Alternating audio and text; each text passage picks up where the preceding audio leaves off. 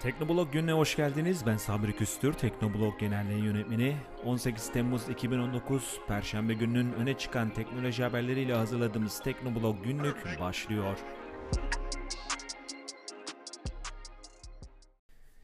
İlk haberimiz FaceApp uygulamasıyla ilgili. FaceApp uygulaması bildiğiniz gibi son günlerde oldukça moda sosyal medyada birbiri ardına gördüğümüz yaşlandırılmış ya da gençleştirilmiş fotoğraflarla birlikte FaceApp uygulaması popüler hale geldi yeniden. Aslına bakarsanız App Store'u kontrol ettiğimizde sadece FaceApp değil Diğer uygulamalarda yaşlandırma uygulamaları da veya fotoğraflar üzerinde oynama yapan uygulamalarda epey yükselmiş durumda. Sosyal medya hesabımızda e, Sabri Küstür e, twitter.com Sabri Küstür'de paylaştım e, bir gönderide. Dün e, App Store'da en çok indirilen ücretsiz uygulamalar listesinin ekran görüntüsünü paylaştım ve burada FaceApp birinci sırada yer alıyordu. Arkasından gelen uygulamaların büyük bir kısmını da yine yaşlandırma ve belirli efektleri uygulayan fotoğraf düzenleme uygulamaları oluşturuyordu.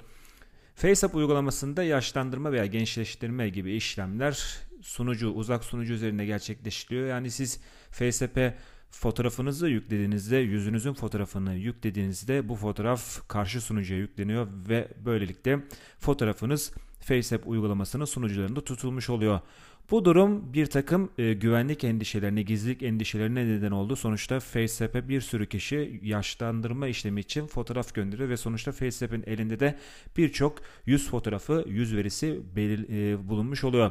FaceApp'in gizlilik sözleşmesini, kullanım sözleşmesine bakıldığında FaceApp e, kendi sunucusuna yüklenen fotoğraflar üzerinde sınırsız bir hakka sahip e, ve bu nedenle de uygulama üzerinde bir takım şüpheler oluşmuş durumda.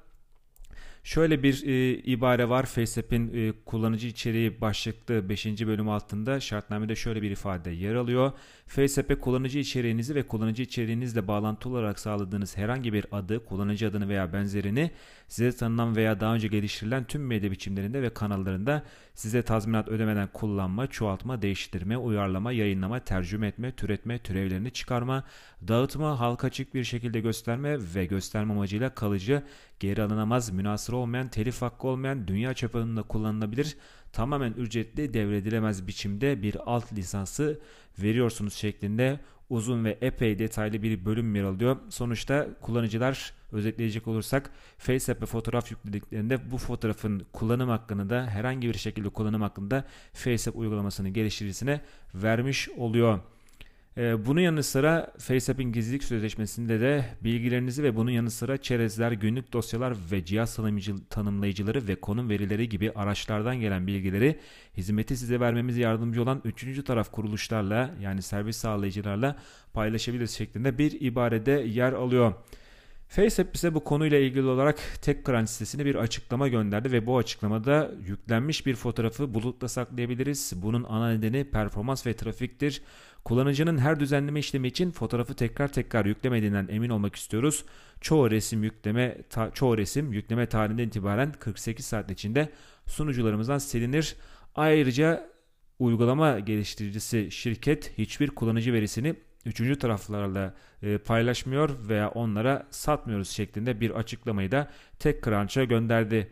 FaceApp uygulaması üzerinde bu kadar fazla tartışmanın e, oluşmasının sebeplerinden bir tanesinde bu uygulamanın geliştiricisinin e, Rus e, vatandaşı olması, Rusya merkezi bir şirket tarafından geliştirilmiş olmasının olduğunu düşünüyorum ki e, Amerika'da e, Demokrat Partili e, milletvekilleri de e, meclis üyeleri de FaceApp uygulamasında tepki gösteriyor. Rusya'nın elinden çıkmış olması nedeniyle bu uygulamanın güvenli olmayacağı şeklinde tartışmalar yapıyor. Amerikan Ulusal Demokrat Komitesi bu uygulama ile ilgili bir uyarı yayınladı ve uyarıda bu uygulama kullanıcıların resimlerindeki insanı yaşlandırma gibi insanların fotoğrafları üzerinde farklı dönüşümler yapmalarına izin veriyor.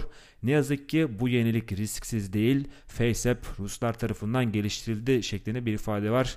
Yani demokratlar bu uygulamanın FaceApp uygulamasının kullanılmasını istemiyor. Bir de önümüzde e, gelecek sene Amerika'da başkanlık seçimleri var ve demokratlar da e, 2016'daki başkanlık seçiminden önce Rusya kaynaklı bir saldırıya, siber saldırıya maruz kalmışlardı. E, şimdi bu FaceApp uygulamasının Rusya tarafından geliştirilmiş olması, Rusya merkezi bir şirket tarafından geliştirilmiş olması ve bu kadar yaygınlaşması veri güvenliği ve gizliliği konusunda endişeleri Amerika tarafından epey arttırmış durumda. Ancak şunu da unutmamak gerekiyor. Yıllar boyu Facebook'ta, Instagram'da birçok fotoğrafı paylaşıyoruz. Selfie'ler paylaşıyoruz ve bu fotoğraflar Facebook'ta e, saklanıyor, Instagram sunucularında saklanıyor ve sonuçta bir şekilde verilerimizi vermiş oluruz. Yani veriyi sadece ilk kez bir şirkete FaceApp'e vermiyoruz. Daha önce belli başlı servislere verileri sağladık ki bu noktada şimdi FaceApp'in tekrar e, bu konuda endişeleri e, alevlendirmiş olmasının söylediğim gibi bu uygulamanın Rusya kaynaklı olmasının olduğunu düşünüyorum. FaceApp uygulamasının rüzgara bakalım ne kadar daha devam edecek. Teknomolog'da FaceApp ile ilgili birçok içerik var. Popüler konularımız arasında yer alıyor. Aynı zamanda FaceApp uygulamasının yeniden bir incelemesini yaptık. Teknomolog YouTube kanalında FaceApp ile ilgili videomuzu bulabilir ve bu uygulamanın ne gibi imkanlar sunduğuna göz atabilirsiniz. Tabii ki fotoğrafınızı yükleyip yüz verinizi paylaşıp paylaşmamak size kalmış. Eğer işin eğlencesindeyseniz gizlilik benim için çok önemli değil diye düşünüyorsanız o halde FaceApp uygulamasını kullanabilir ve siz de eğlenebilirsiniz. Netflix belirli aralıklarla testler gerçekleştiriyor ve bu testlerden bir tanesi de sadece mobil cihazlara özel bir veri e, plandı, bir kullanım planıydı. Hatta geçtiğimiz aylarda Netflix bu planı Türkiye'de de test etmişti. 7 lira 99 kuruşluk bir fiyat karşılığında Netflix'te kullanıcılar sadece mobil cihazlar üzerinden içerik izleme imkanı elde ediyor edebiliyorlardı. Şu anda Netflix'in e, temel abonelik planı yaklaşık 15-16 liralık bir fiyattan başlıyor ve bu şekilde yukarılara doğru gidiyor ve bu planların hepsinde televizyon üzerinden izlemekte bulunuyor. Şimdi Netflix bu geçtiğimiz aylarda test etmek etmiş olduğu sadece mobil planını Hindistan'da kullanıma sunmaya hazırlanıyor. Hindistan oldukça e, gelişmekte olan bir pazar. Mobil kullanıcı sayısı bakımından e, büyük bir pazar ve pazarda giderek zenginleşiyor. Her geçen gün daha fazla Hindistan vatandaşı akıllı telefon sahibi oluyor ki milyara yakın bir nüfustan bahsediyoruz. O kadar kalabalık bir ülke Hindistan ve Netflix'in planları içerisinde de e, mobil planları içerisinde de önemli bir yer oluşturuyor. E, Hindistan'da kullanıma sunulacak sadece mobil abonelik paketinin fiyatı da mevcut mevcut abonelik planlarından daha düşük olacak. Söylediğimiz gibi geçtiğimiz aylarda Türkiye'de de yapılan testlerde fiyat 7 lira 99 kuruştu. Yani o zaman var olan temel planın neredeyse yarısı kadar bir fiyat vardı. Sadece mobil planında standart çözünürlükte yani 480p çözünürlükte dizileri ve filmleri aynı anda tek bir cihazdan izleme imkanı sunacak ve bu cihazda mobil cihaz olacak. Tabii ki mobil cihaz derken Netflix sadece akıllı telefonları mı kastediyor yoksa Android tabletleri ve iPad'i de işin içine katıyor mu? Orası bilinmiyor. Bu sadece mobil planı ülkemizde de test edildiğine göre ilerleyen zamanlarda belki yakın zamanda Türkiye'de de bu planın kullanıma sunulduğunu görebiliriz. Ee, bununla birlikte Netflix genellikle biraz da e, ekonomik seviyesi e, yüksek e, kesimde ilgi gören bir servis. Hem içerikler olsun hem de diğer e, e, unsurlar olsun.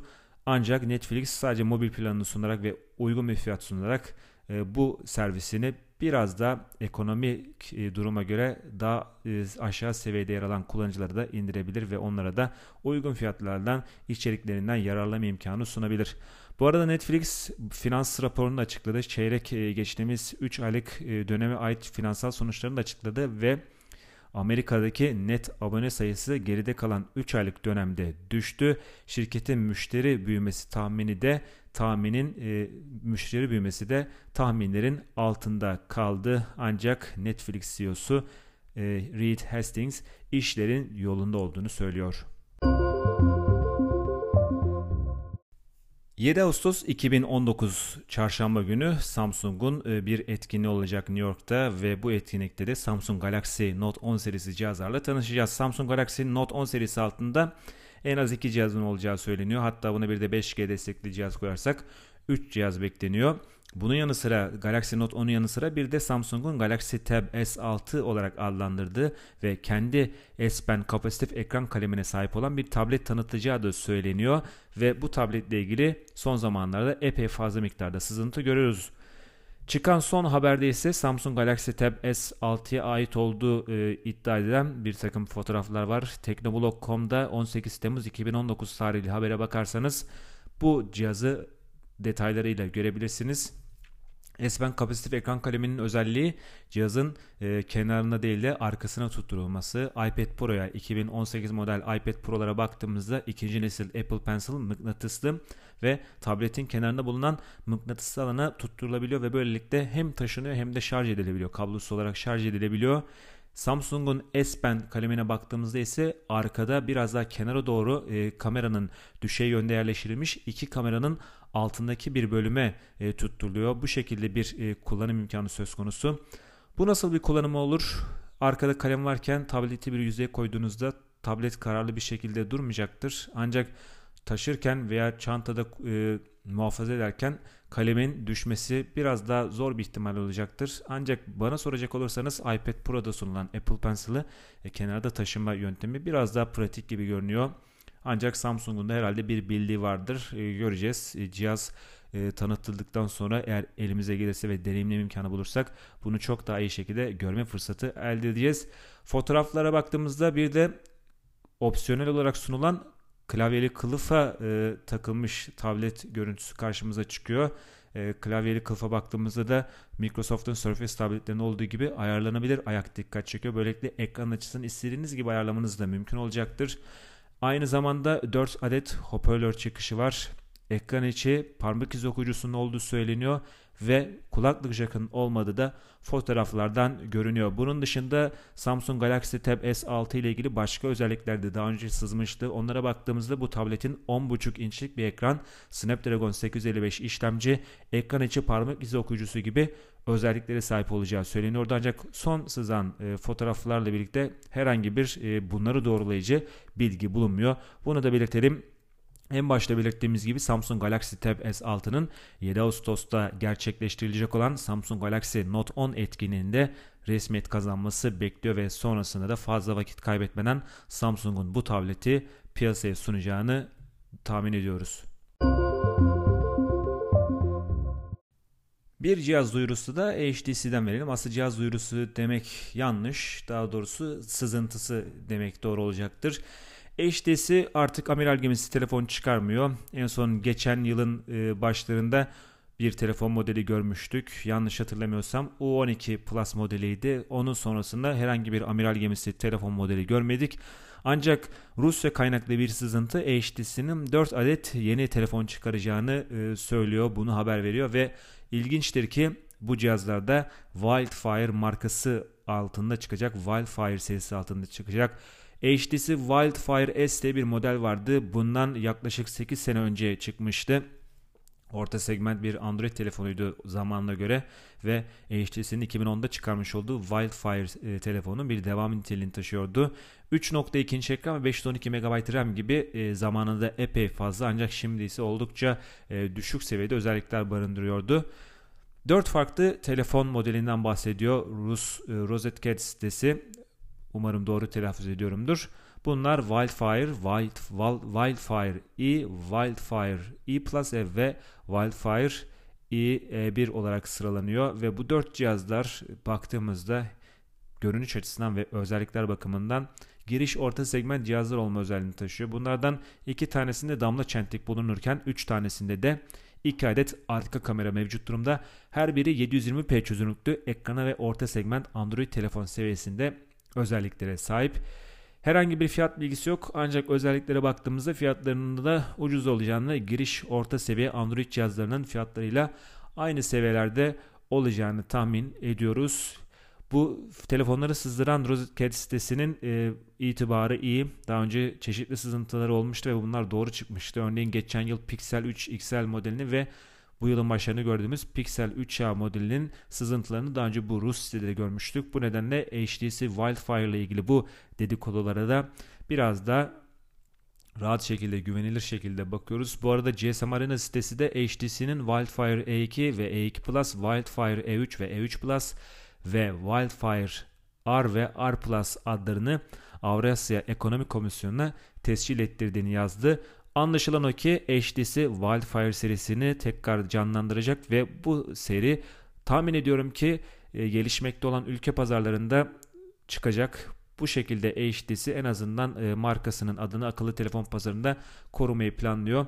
Nereden nereye demek lazım? 2012 yılında HTC'nin e, küresel akıllı telefon pazarındaki payı %10 seviyelerindeydi. Ancak şu anda bu oran %0.05'e düşmüş durumda. Yani e, neredeyse yok denecek bir pazar payı var HTC'nin. Bildiğiniz gibi HTC artık akıllı telefonlardan daha çok sanal gerçeklikle ilgileniyor. HTC'nin Vive e, markası altında sunmuş olduğu sanal, ger sanal gerçeklik ekipmanları bireysel kullanıcılarda da ancak daha çok kurumsal kullanıcılarda ilgi görüyor ve HTC şu anda dikkatlerini o tarafa yönlendirilmiş gözüküyor. Zaten geçtiğimiz 2 e, yıl önce HTC'nin akıllı telefon biriminin önemli bir kısmı da Google'a satılmıştı ve ancak HTC elinde kalan küçük bir birimle görünen o ki akıllı telefonları çıkarmaya devam edecek.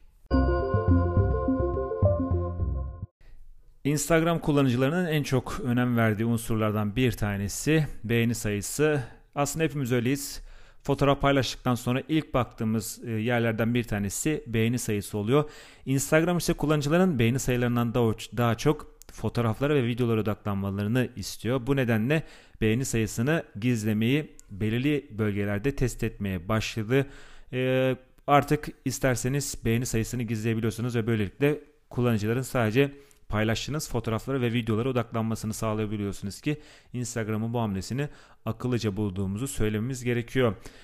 Mayıs ayında Amerika ve Kanada'da da bu özellik test edilmeye başlamıştı. Şu anda test aşamasında henüz e, genel kullanıma sunulmadı.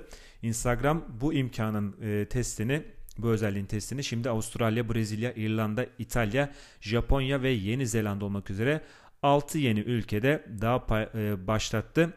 Bu özellik kullanıcıların akışlarındaki webdeki veya profillerindeki fotoğraf ve videoların herkese açık beğeni sayılarını gizliyor. Instagram bu özelliği ilk kez duyurduğu zaman takipçilerin alınan beğeni sayısından daha çok paylaşılan fotoğraflar ve videolarla ilgilenmesini istediğini söylemişti.